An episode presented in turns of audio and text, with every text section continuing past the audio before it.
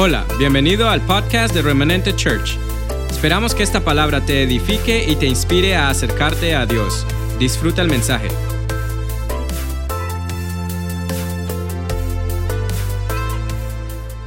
Que el Señor hable hoy y yo calle. Amén. ¿Qué ven aquí? ¿Ah? Vemos una roca, una piedra. Un símbolo muy importante en la Biblia desde los inicios de la palabra y desde que la Biblia empezó a hablar acerca del sacrificio, siempre, siempre hay una, una piedra, hay una roca. Jesús murió crucificado, pero esa cruz estaba clavada en, en tierra, estaba clavada en roca también. La Biblia nos compara también con rocas y eso lo vamos a ver hoy, pero va a ser muy especial. La predicación se llama La Roca.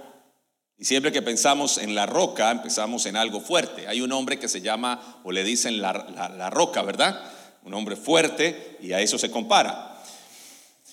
Pensando en esta palabra, sé que eh, me sorprendió la manera en que está construida la palabra en la Biblia roca. La palabra en la Biblia roca es la palabra Eben. Eben es la palabra, no Edén, sino Eben la palabra roca. Pero en el hebreo antiguo la palabra se escribía así, A-B-N. A-B-N. Y se leía Eben, pero como se escribía era A-B-N. A-B-N. Uy, Dios mío, A-B-N. A-B-N. Así que esta palabra roca se creó de dos palabras. La, la primera palabra es la palabra Ab, que quiere decir padre, y la segunda palabra es ben, BN, ben, que quiere decir hijo. O sea que en la Biblia la roca se traduce para dos palabras más. Ab, que quiere decir qué? Padre, y hijo, que es la palabra ben, ben David, hijo de David. ¿Ok? Ben quiere decir hijo. Cuando yo miro una roca, entonces está simbolizando al Padre y está simbolizando al Hijo. Además, la palabra roca, que ya sabemos que es la palabra Eben, Eben se escribe con una letra en la mitad, la letra B, que es la segunda letra del vocablo hebreo. Y Bet, que se lee Bet, quiere decir casa. Padre, hijo, casa. Y la Biblia dice que la casa debe de estar fundamentada en dónde? Padre e hijo. Está hablando de familia. Entonces, muy importante la roca. Muy importante lo que Dios nos va a hablar a través de esta escritura y de este símbolo. Puedo ser una roca que construyo o puedo ser una roca que destruye. Porque con la misma roca que puedo construir, puedo apedrear, violentar, dañar o somos piedras que edificamos o somos piedras que destruimos. Estamos aprendiendo. Porque todo tiene que ver con casa. Todo tiene que ver con qué? Con casa. Muy bien.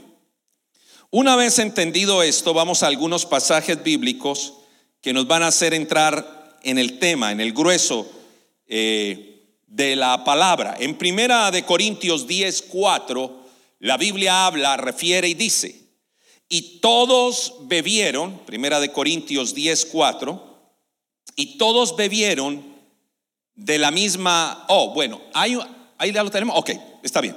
Y todos bebieron de la misma bebida porque bebían de qué? Y roca quiere decir qué? Padre, hijo, casa. Muy bien. Y todos bebían de la roca espiritual que los seguía. Y la roca era Cristo. ¿Estamos? Muy bien. Diga, la roca es Cristo. Otra vez, la roca es Cristo. ¿Ok? Muy bien. Hay unos textos que me, gustan para exaltar al Señor en esta mañana que tiene que ver con esto, con este símbolo. Le voy a decir algo. Usualmente al cristianismo lo simboliza una cruz, ¿sí o no? 28 veces está en la Biblia la palabra cruz. Pero un sinnúmero de palabras están de la palabra roca y piedra en la Biblia y nos simbolizan a nosotros. Y ahora entiende por qué nos simbolizan. Nos simbolizan porque hay una unión entre el Padre y el qué? Y el Hijo. Muy bien, muy bien. Así que la Biblia dice en el Salmo 144, versículo 1, bendito sea el eterno mi roca. Otra vez, ¿cómo dice? Bendito sea el eterno mi roca. Otra vez, haga así, algo de fuerza. Bendito sea el eterno mi roca, quien adiestra mis manos para la batalla y mis dedos para la guerra. El Salmo 89, 26 dice, Él me clamará, hablando de nosotros, y dice, mi Padre eres tú, mi Dios y la roca de mi qué? De mi salvación. Diga conmigo, Dios es mi roca, mi piso, mi fundamento. La Biblia dice también, Deuteronomio 32, 4. Deuteronomio 32, 4. Él es la roca. Otra vez. Él es la roca. ¿Estamos ahí? Sí. Deuteronomio 32, 4. Él es la roca cuya obra es perfecta. ¿Por qué se compara Dios a una roca? Porque Él es Padre y Él es Hijo. Otra vez, Él es Padre y Él es Hijo. Se compara a una roca. Porque diríamos, pero es que eso no tiene eh, vida. No tiene vida. Bueno, para Él sí, por lo que simboliza por cómo fundó el mundo, por lo que representa. Ahora va a ver que la Biblia habla de que le da vida a las rocas. Él es la roca cuya obra es perfecta, porque todos sus caminos son rectitud. Dios de verdad y sin ninguna iniquidad en él es justo y recto. Segundo libro de Samuel 22, 2 dice, segundo libro de Samuel 22, 2, Jehová es mi roca y mi fortaleza y mi libertador. Dígalo conmigo. El Señor es mi roca, mi fortaleza y mi libertador. Y el Salmo 71.3 nuevamente repite y dice, será para mí una roca de qué? De refugio, a donde yo recurra continuamente o a donde recurra yo continuamente, pues has dado mandamiento para salvarme. Mira al que está a tu lado y hazle así. Dile, Dios, Dios es tu roca. ¿Estamos? Dios es tu roca. Basado en ese fundamento, bienvenidos a la prédica La Roca. Ya sabe usted que Dios es roca, Eben en hebreo, Eben. Quiere decir padre e hijo. La Biblia dice que somos piedras que damos vida y damos fundamento. Lo vamos a mirar. Primera de Pedro 2.4. La Biblia dice, nuevamente le repito, que somos piedras que damos vida y damos fundamento. Imagínate, vamos a mirar. Acerquémonos a Él. Acerquémonos a Él. Piedra viva Primera de Pedro 2.4. Desechada ciertamente por los hombres, mas para Dios escogida y preciosa. Recuerdo una vez que, eso me lo contaron aquí, que alguien fue a TJ Max, creo que se llama así el almacén, y vio, sí, gracias, y vio que algo como que daba avisos estaba en el piso, lo tomó. La gente pasaba, no le importaba, pero a esa persona le importó, era un diamante. La Biblia dice que para algunos tal vez la roca ha sido deshecha. Dice la palabra. Dice que ha sido desechada ciertamente, más para Dios la roca ha sido escogida y qué? ¿Qué dice el texto? La roca ha sido escogida Colócalo. Y ha sido una roca preciosa para Dios. Dios sabe. Ah, bueno, escribí para esta predicación, bendito los que nos desecharon, pues su rechazo nos hizo aceptos para Jesús. Y dice la Biblia, en cuanto a los que desecharon a Jesús, que bendito los que lo desecharon, porque nosotros lo aceptamos. Lo aceptamos como nuestra roca. Solo Dios sabe cuán grande valor tienes para Él. Solo tú sabes cuánto importa y vale Jesús para ti.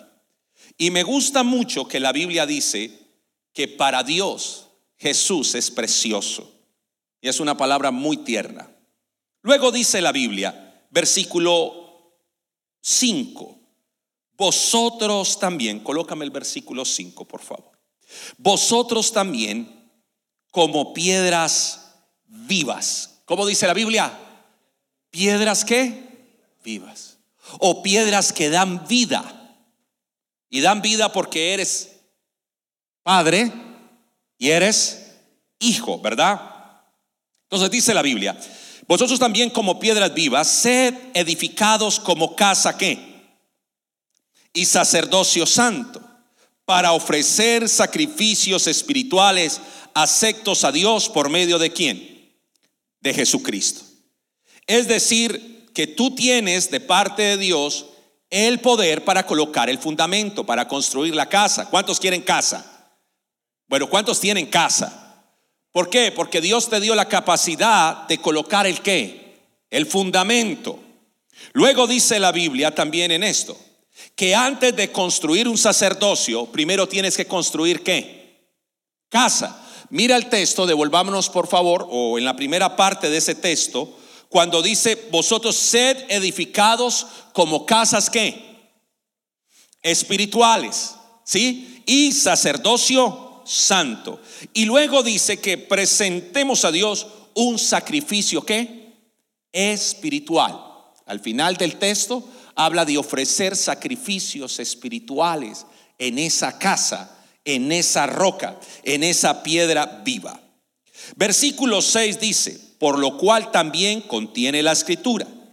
He aquí, versículo 6, he aquí, pongo en mi pueblo, en Sión, la principal piedra del ángulo, escogida y preciosa, y el que creyera en él no será avergonzado. Todo lo que está fundamentado en Jesús jamás quedará en vergüenza. Llámese matrimonio, llámese familia, llámese hijos, llámese iglesia, llámese empresa, llámese proyecto de vida. Todo lo que esté fundamentado en Jesús jamás quedará en vergüenza. Continúo, versículo 7. Para vosotros pues, los que creéis, Él es como precioso. ¿Cómo lo llama la Biblia? Precioso. Más para los que no creen, la piedra, la piedra que los edificadores desecharon, ha venido a ser la cabeza del ángulo. Le llaman cabeza de ángulo porque antes cuando se construía una casa se ponía una roca fuerte en una esquina y a partir de esa esquina todo se construía. ¿Era la piedra de qué? Es decir, que toda la casa, el peso de la casa recaía en esa, en esa roca. De la misma manera cuando se hacía un arco, la piedra de la mitad era la piedra de ángulo, era la que iba a sostener todo el arco. La Biblia habla de ti y de mí y nos compara a piedras y dice que tú eres la roca de tu casa. La Biblia dice que tú eres una piedra viva sobre la cual todo se está edificando. En otras palabras, la iglesia, Dios la ve como una roca. La ve como una roca, donde se fundamenta la paternidad y la identidad de hijo.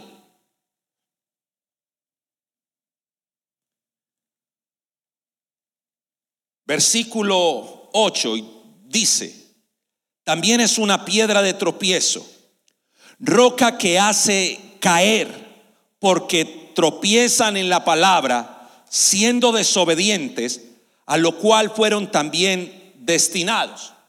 Hay otra versión de la Biblia, la Reina Valera del 95, que dice, y piedra de tropiezo y roca que hace caer. Ellos, por su desobediencia, tropiezan en la palabra, ese es su destino.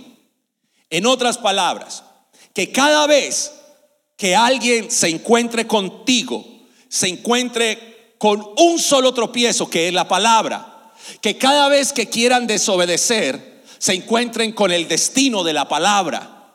Cada vez que se, que se, que se quiera hacer algo malo, se encuentren con la palabra. Me dijo una vez una mujer, no me hable como pastor, hábleme como hombre. En mi mente, para mí es lo mismo. Para mí es lo mismo. No, no hay, no soy bipolar. No tengo trastorno limítrofe de personalidad. Es el mismo. Le digo, ok. Y terminé hablándole como qué. Como pastor. Porque no tengo otra cosa. De tal manera que el único tropiezo que la gente encuentre es que cada vez que quiera hacer algo ilegal, algo malo, algo perverso, tú puedas ser la palabra viviente. Tú puedes hacer una piedra viva. Tú puedes hacer como, ay, ahí llegó el hermano, apaguen la música. Usted, puede hacer el que, ay, ahí llegó, apaguen el strober. Eh, creo que se dice así. Eh, eh, me hago entender, es decir, destinados a tropezar con la piedra, porque cada vez se enfrentan a la palabra. No sé si le ha pasado que usted quiere hacer algo, pero la palabra no lo deja. Yo no sé cada vez que usted quiere como que no puedo. ¿Por qué? Porque la palabra te confronta.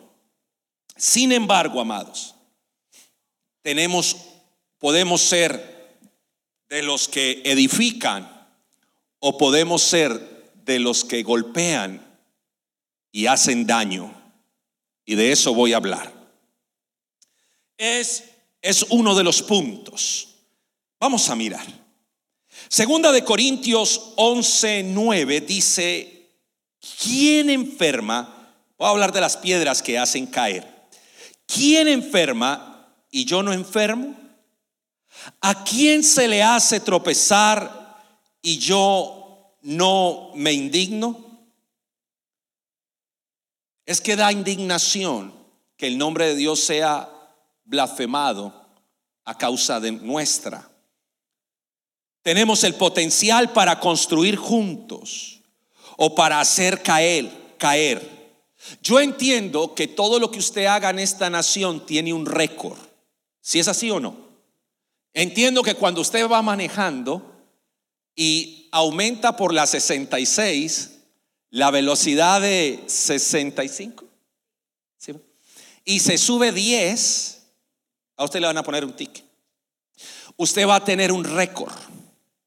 La Biblia dice que todo lo que nosotros hagamos ahora en Cristo tiene un récord. ¿Cuál es tu récord? Mira el que está a su lado y muévale las cejas. Dígale, ¿cuál es tu récord? Porque el apóstol Pablo dice, ¿quién hace tropezar y yo no me indigno?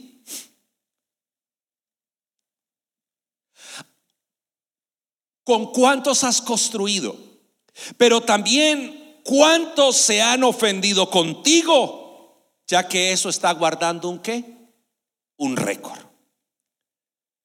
¿Cuál es el récord tuyo en la iglesia? Allá los que están en casa, le pregunto, ¿cuál es el récord? ¿Cuántas piedras has soltado contra otro? ¿A cuánto les has hecho daño? Y no solucionaste eso, al contrario, retuviste la ofensa. De tal manera que te veo venir por esa silla y yo me voy por esta. De tal manera que miro si usted va a ir a la iglesia, para yo no ir. Aleluya. Digno de alabar. Y, y Dios dice, debes de soltar las piedras. Debes de soltar esas piedras. Porque andas como David con unas en el bolsillo a ver a quién se la suelta. Jesús dijo, Lucas 17.1, dijo Jesús a sus discípulos, imposible es que no vengan qué? Tropiezo. ¿Cuál es la mujer más rápida de remanente? La que se cae. ¿Ha visto usted una mujer cuando se cae? Voy a decir cómo. Y por allá más adelante va. Pero ellas de una se paran. La Biblia dice que imposible es que no vengan tropiezos. Mas hay de aquel por quien vienen. Mejor le fuera que se atase al cuello una piedra de molino y si arrojarse al mar que hacer tropezar a uno de mis pequeños. Fuimos puestos para construir vidas, no para destruirlas. Repítalo conmigo. Fuimos, fuimos puestos para construir vidas, no para destruirlas. O por favor esto lo pongan en Facebook. No tenemos licencia para destruir personas. Amén. Amén. Amén. No tenemos licencia para destruir personas. Y lo bueno y lo malo nos pasan con personas. Por eso un hogar no es fácil. ¿O es fácil? Pero no tenemos licencia para destruir. No la tenemos. Recuerda que en lo que juzgamos a otros, nos enjuician a nosotros. Romanos capítulo 2, no lo tengo allí, pero me lo sé de memoria.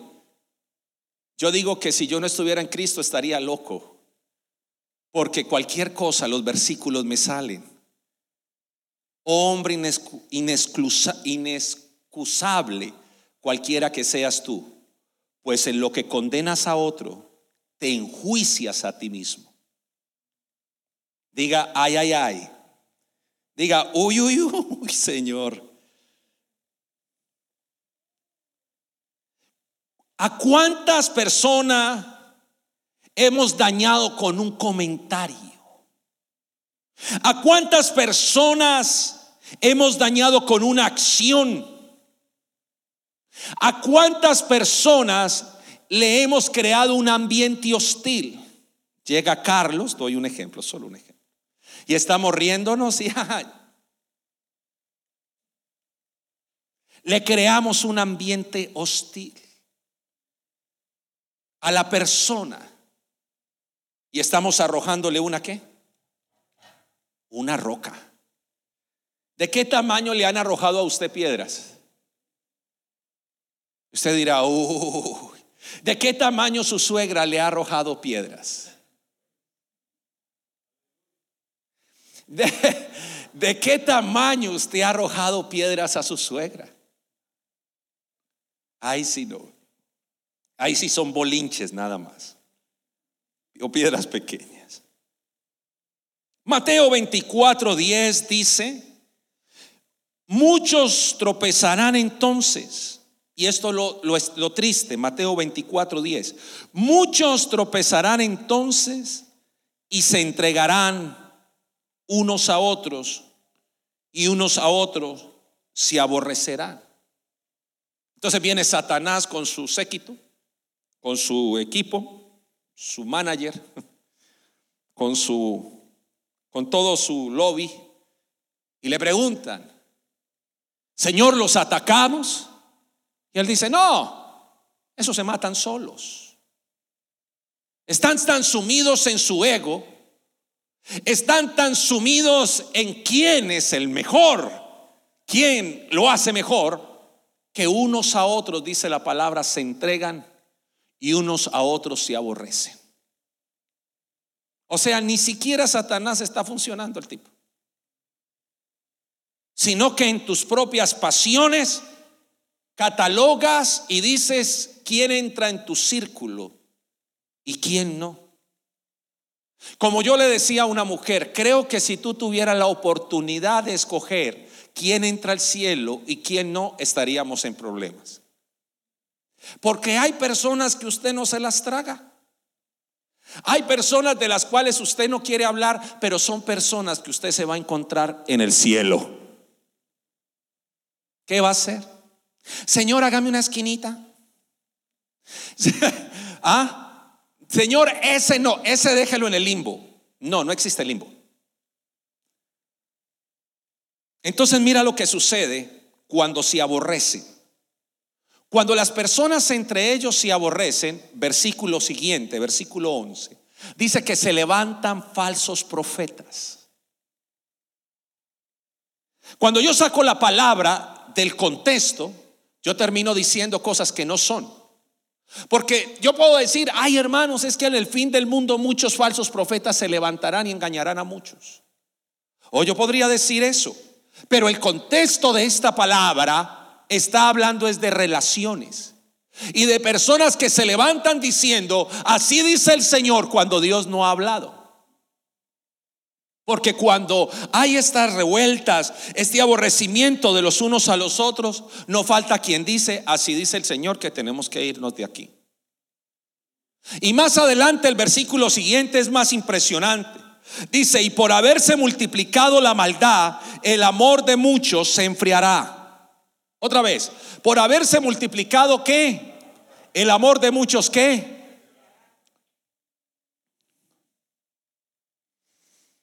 Amados, si seguimos arrojando piedras, el pastorado entonces no va a tener sentido, porque somos pastor, pastores porque tenemos ovejas. Si no hay ovejas, el pastorado no tiene sentido. Pero si nos seguimos comiendo los unos a los otros, la persona que viene de afuera vendrá contenta y un mes después querrá salir corriendo de remanente.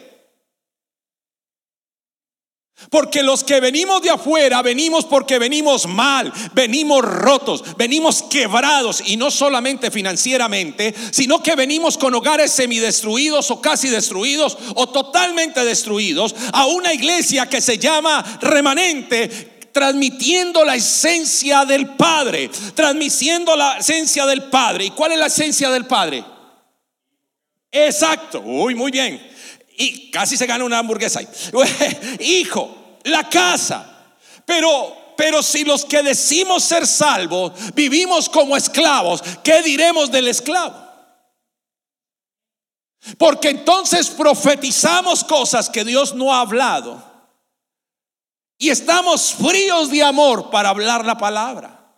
Entonces cogemos la palabra y digo, esta le va a salir a tal persona. Espera, yo se la lanzo. ¿Ah? Y ponemos el versículo en Facebook para que le caiga. Pero no decimos el nombre, solo ponemos apellidos.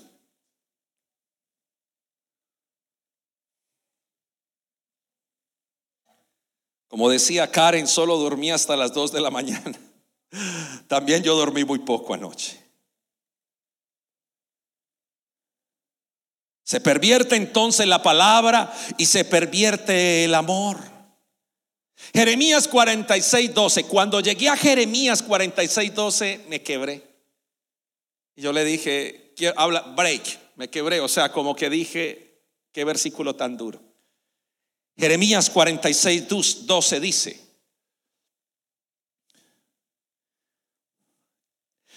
las naciones oyeron tu afrenta y tu clamor llenó la tierra, porque valiente tropezó contra valiente y cayeron ambos juntos. Tú eres una bomba en la mano de Dios, eres una roca en la mano de Dios, yo soy otra roca en la mano de Dios y los dos podemos construir un hogar. Pero también tenemos el potencial de que una roca como soy me puedo estrellar con otra roca. ¿Y qué dice la Biblia? ¿Qué dice la palabra?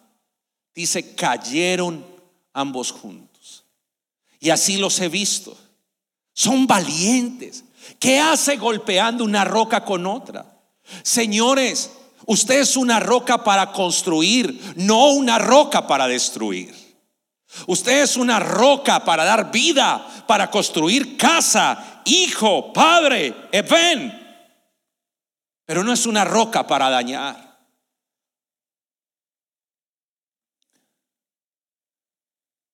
Si queremos rocas fuertes, también lo tienes que ser tú. Toca el hombro de la persona que tienes a tu lado, posiblemente es tu familia. Y dile, yo quiero, yo quiero construir contigo. Yo quiero construir contigo. Mi esposa y yo queremos construir con ustedes pero me temo que nos estrellemos como rocas. si no entendemos el rol de cada uno, si no entendemos el propósito de cada uno, nos vamos a estrellar. Somos rocas para construir un remanente de miles. Otra vez, somos roca para construir un remanente de miles. La última convención en Colombia hubo tres mil y pedazo de personas. Podemos hacerlo aquí también. Podemos hacerlo. Porque yo lo he visto. He visto miles aquí que doblan también su rodilla delante de Dios. Somos rocas. ¿Cuántos dicen amén? Aleluya. Eso está bueno, amados. Ah, escuche esto, es tan tremendo. Proverbios 24, 17. No se exhorta a esta palabra si alguno considera que tiene algún enemigo. Proverbios 24, 17 dice, cuando cayere tu enemigo, no te regocijes y cuando tropezare, no se alegre tu corazón. Versículo 18 dice, no sea que Jehová lo mire y le desagrade y se aparte de, de sobre él su enojo. Vuelvo al versículo 17. Dice la escritura, cuando cayere tu enemigo, no te regocijes. Ah, muy bueno. Yo lo dije, yo sabía. Yo sabía que Dios le iba a tumbar esa... Bueno, ahí empezamos con dichos coloquiales colombianos. No, no. Empieza a burlarse porque el otro cayó, al que usted considera que su enemigo. No, amado, no podemos reírnos. No podemos hacer de ello. Juan 8:7, por favor, colócalo. Juan 8:7. La Biblia dice en Juan 8:7, puede buscarlo en su celular o o tenerlo allí. Ah, lo tenemos. Ok. Y como insistieron en preguntarle, se enderezó y les dijo, el que de vosotros esté sin pecado, que sea el primero en arrojar la piedra contra ella. Hagámoslo así.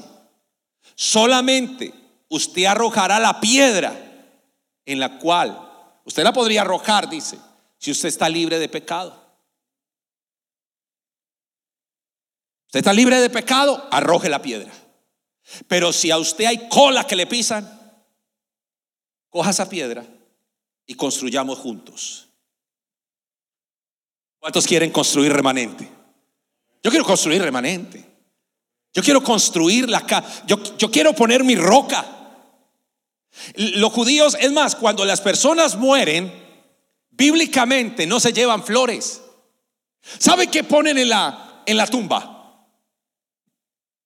una roca. Vaya aquí al cementerio de Washington. Vaya, vaya y pase por las tumbas judías. ¿Sabes qué ponen? Una roca. Porque la flores se muere. Pero cuando regresa, la persona ve su piedra ahí. Es un símbolo de algo que perdura, que permanece. ¿Sabe qué hicieron los israelitas cuando iban a cruzar el, el río Jordán? Sacaron doce piedras del río y metieron otras doce. Y colocaron piedras como señal. Porque tú eres una señal para Dios. Tú eres una roca viva. Dios te puso aquí no para que tengas un récord. Ah, ya se fueron cinco por mí, diez por mí, veinte por mí. No. Dios te puso aquí para que construyas iglesia. Para que construyas. No tengas un récord de ser una persona que, que, que hace daño. No. Si hay algo que tienes que mejorar, mejóralo. Pero no eres roca que hace golpear, ni eres roca que se lanza. Mateo 16, 18, por favor. Mateo 16, 18. Y yo también te digo que tú eres Pedro. Y sobre esta qué? ¿Ve que no dijo cruz? Si nota que no dijo cruz, dijo que roca. Porque es el símbolo que ha venido permaneciendo. Eres una roca. No eres una cruz para andar crucificando gente. Eres una roca que sostiene, una roca que, que, fundamenta, eres una roca que, que cimenta. Y la Biblia dice que tú eres una, realmente el texto en griego dice, y yo te digo que tú eres Petros, y sobre esta roca, sobre esta petra edificaré mi iglesia. En otras palabras, Jesús le dijo, tú eres una piedra pequeña que estarás fundamentado en la roca del ángulo que soy yo, que es Él. Y me gusta lo que dice la palabra, y las puertas del Hades no prevalecerán contra ella. Edifiquemos iglesia juntos.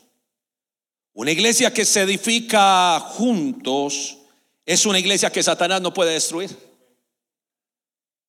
Porque yo puedo venir a hacer guerra espiritual, lo que nosotros comúnmente llamamos guerra espiritual. Que es aquí venir y pelear y en el nombre de Jesús, ya, saco una bandera, la bondeo para acá, la para allá. Pero cuando veo a mi hermana, no la saludo. ¿De qué me sirvió? ¿Sabe cuál es la verdadera guerra espiritual?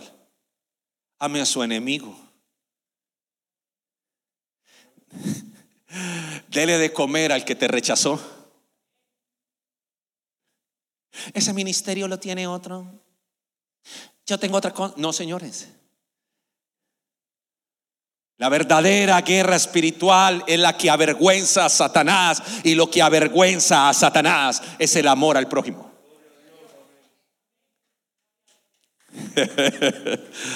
ay, ay, ay. Muy bien. Ya vamos, ya vamos, ya vamos. Así que vamos a construir casa. Lucas 6:48. Ya estoy llegando al final de la predicación. Lucas 6:48. Dice la escritura. Semejante es al hombre que al edificar una qué. Ah, sí. Vamos a edificar casa. ¿Y qué hizo? Cavó y ahondó y puso el fundamento sobre la qué sobre la roca. Y cuando vino, recuerda que el fundamento es paternidad, ¿verdad? Padre e hijo. Y cuando vino la inundación, el río dio con ímpetu contra aquella casa, pero no la pudo qué? Porque estaba fundada sobre qué? Padre e hijo. Casa. Muy bien. Así que vamos a colocar fundamento. Porque hay una palabra que quiero soltar profética sobre la casa. Tenemos que poner el fundamento, ¿verdad? Segunda de Timoteo 2:19 dice, pero el fundamento de Dios está firme, teniendo este sello. Conoce el Señor a los que son suyos y apártese de iniquidad todo aquel que invoca el nombre de Cristo. Creo que de una de las cosas, y escuchaba esta madrugada una predicación que decía que una de las cosas que posiblemente había sido un aguijón para, para Pablo es haber apedreado a Esteban. Desde la posición de lo que el predicador hablaba tenía sentido. Y yo le decía al Señor esta mañana, Padre, ¿a cuántos he herido y a cuántos he dañado? Partiendo por mi esposa, partiendo por el esposo, porque son las personas que nos conocen realmente, con nuestras acciones, con nuestras palabras, con nuestros hijos.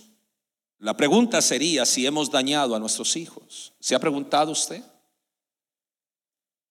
Usted sabe que esos golpes que le da a su hijo, eso queda. Y aunque usted lo olvide y él en su conciencia, la conciencia antes de los tres años, lo olvida, casi que vive un día a día de 24 horas no más. Pero con los años van a haber cosas que van a hacer que la persona diga, yo de dónde traigo eso, yo por qué soy así.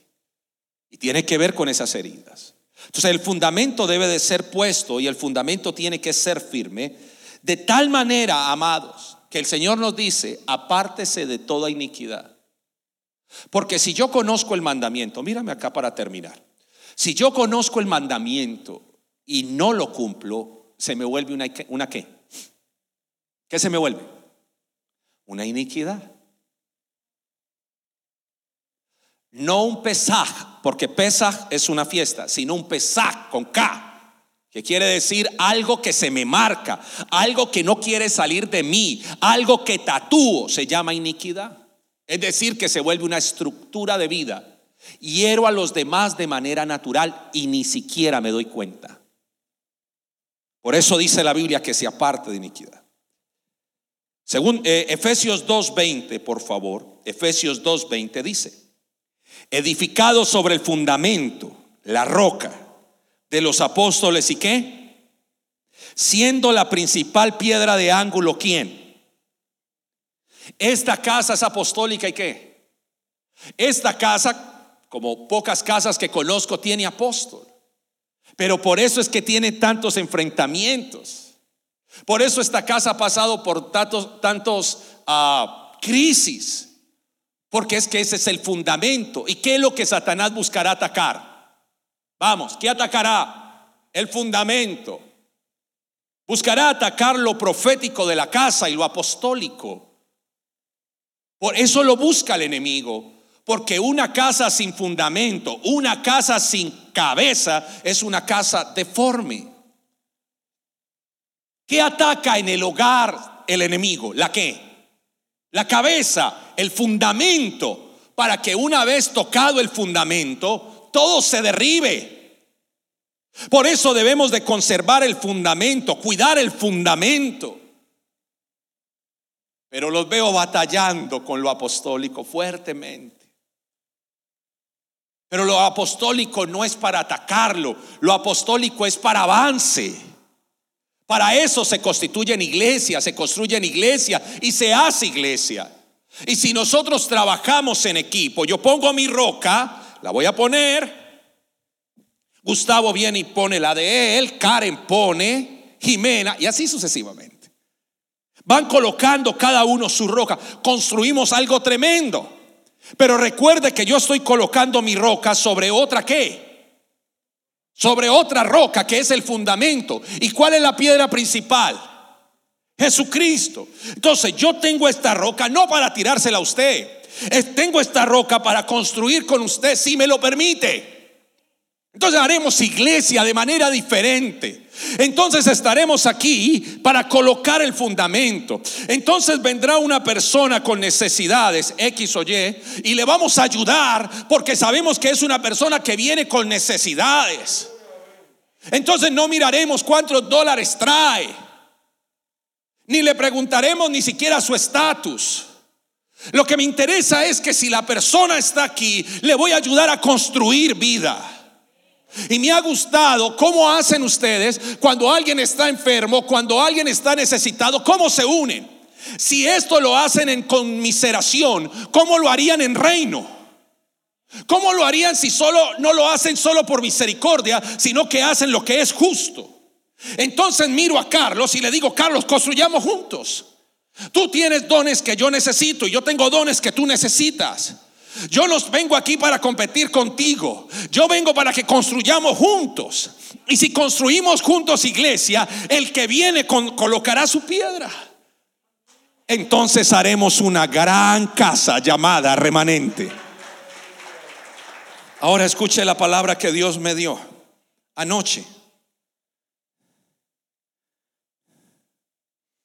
Isaías 5:27, terminemos la predicación. Isaías 5:27.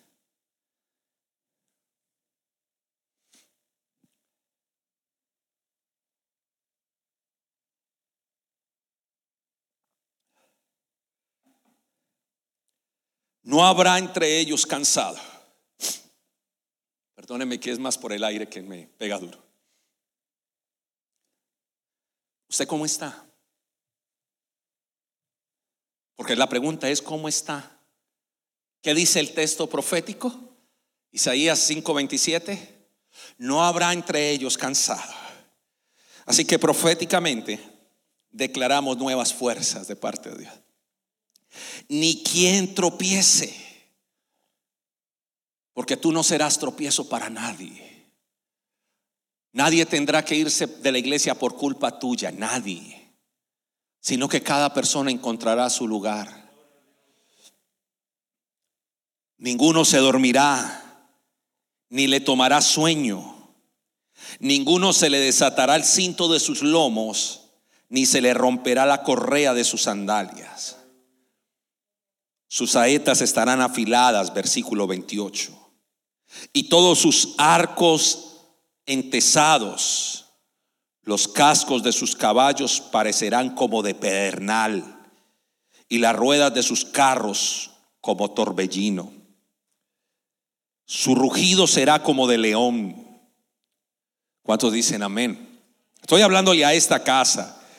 Rugirá de manera de leoncillo, crujirá los dientes arrebatará la presa, se la llevará con seguridad y nadie se la quitará. Repito, porque Jesús dice, el que tenga oídos para oír, oiga, ¿verdad? Y también el Espíritu en Apocalipsis lo dice. Levante sus manos, una de sus manos puede ser. Y los que están en casa también. No habrá entre ustedes cansado ni quien tropiece. Ya bashita naha soto no no no sé.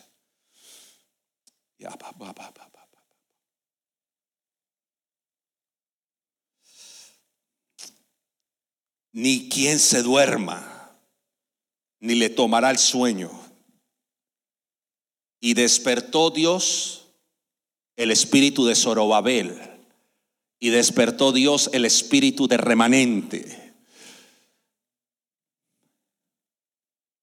y ninguno se le desatará el cinto de sus lomos, habla de autoridad, y ninguno se le romperá la correa de sus sandalias, habla de proyecto. Y sus saetas estarán afiladas, tus hijos, y todos sus arcos entesados, la visión de ellos, y los cascos de sus caballos parecerán como de pedernal, habla de éxito, y las ruedas de sus carros como torbellino, habla de gloria. Su rugido será como león. Rugirá a manera de leoncillo, crujirá los dientes, arrebatará la presa, se la llevará con seguridad y nadie se la quitará. Entonces, en el nombre de Jesús, como ministro, vestido de esta autoridad que me ha entregado la casa y el Señor, yo declaro que lo, lo que habían perdido Dios lo restituye sobre sus vidas. Y que usted no, no tropezará ni será tropiezo para nadie y el que está cansado, declaro en el nombre de Jesús que se aviva. El que tiene pocas puertas, fuerzas tendrá muchas. El que sentía desfallecer se sentirá valiente. El que sentía morirse tendrá vida. El que sentía que se tenía que acabar todo, antes unirá fuerzas. En el nombre de Jesucristo declaramos hoy que somos roca viva, roca que da vida, que somos roca de testimonio que somos roca de poder, que somos roca de autoridad, que somos rocas que unimos y no dañamos. En el nombre de Jesús. Que somos rocas paternas y somos rocas con, que tenemos identidad de hijos. Que estamos aquí para construir, para dar un buen reporte. Que estamos aquí para levantar porque el fundamento y el arquitecto es Jesucristo.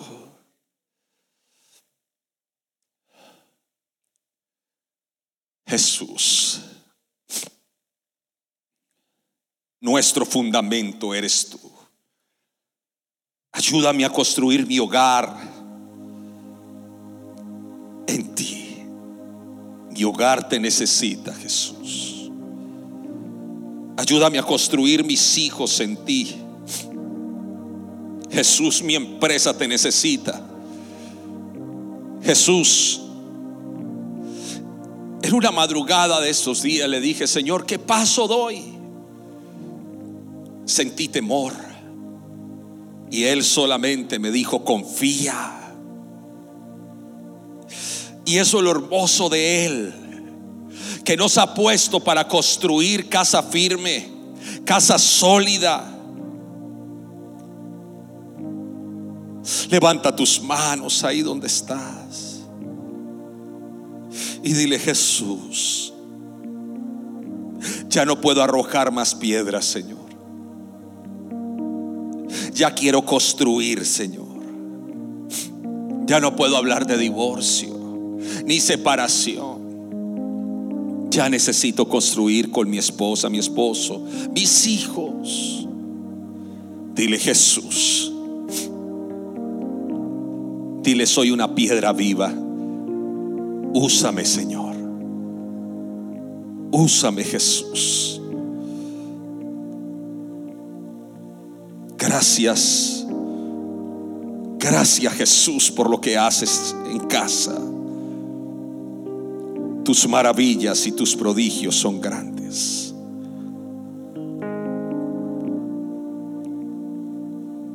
Gracias por hacernos rocas. Rocas valientes que no nos destruimos los unos a los otros, sino que construimos. Jesús, gracias. Si tú has estado destruyendo tu hogar o atentando contra él, dile, perdóname Jesús. Perdóname Jesús. Si has atentado contra esta iglesia, si te has debatido en destruirla o construirla, dile, perdóname. Yo quiero construir contigo. Porque esta iglesia es tuya. El que murió por esta iglesia se llama Jesús. Eres mi roca. Dile, Señor, eres mi roca. Eres mi fuerza donde yo estoy parado. Eres mi roca, Jesús. Gracias, mi amado. Gracias, Jesús. Amén. Y amén. Dale un fuerte aplauso al Rey de Reyes. Esperamos que este mensaje haya sido de bendición. No te olvides de suscribirte a nuestro podcast y seguirnos en Facebook e Instagram arroba remanente church.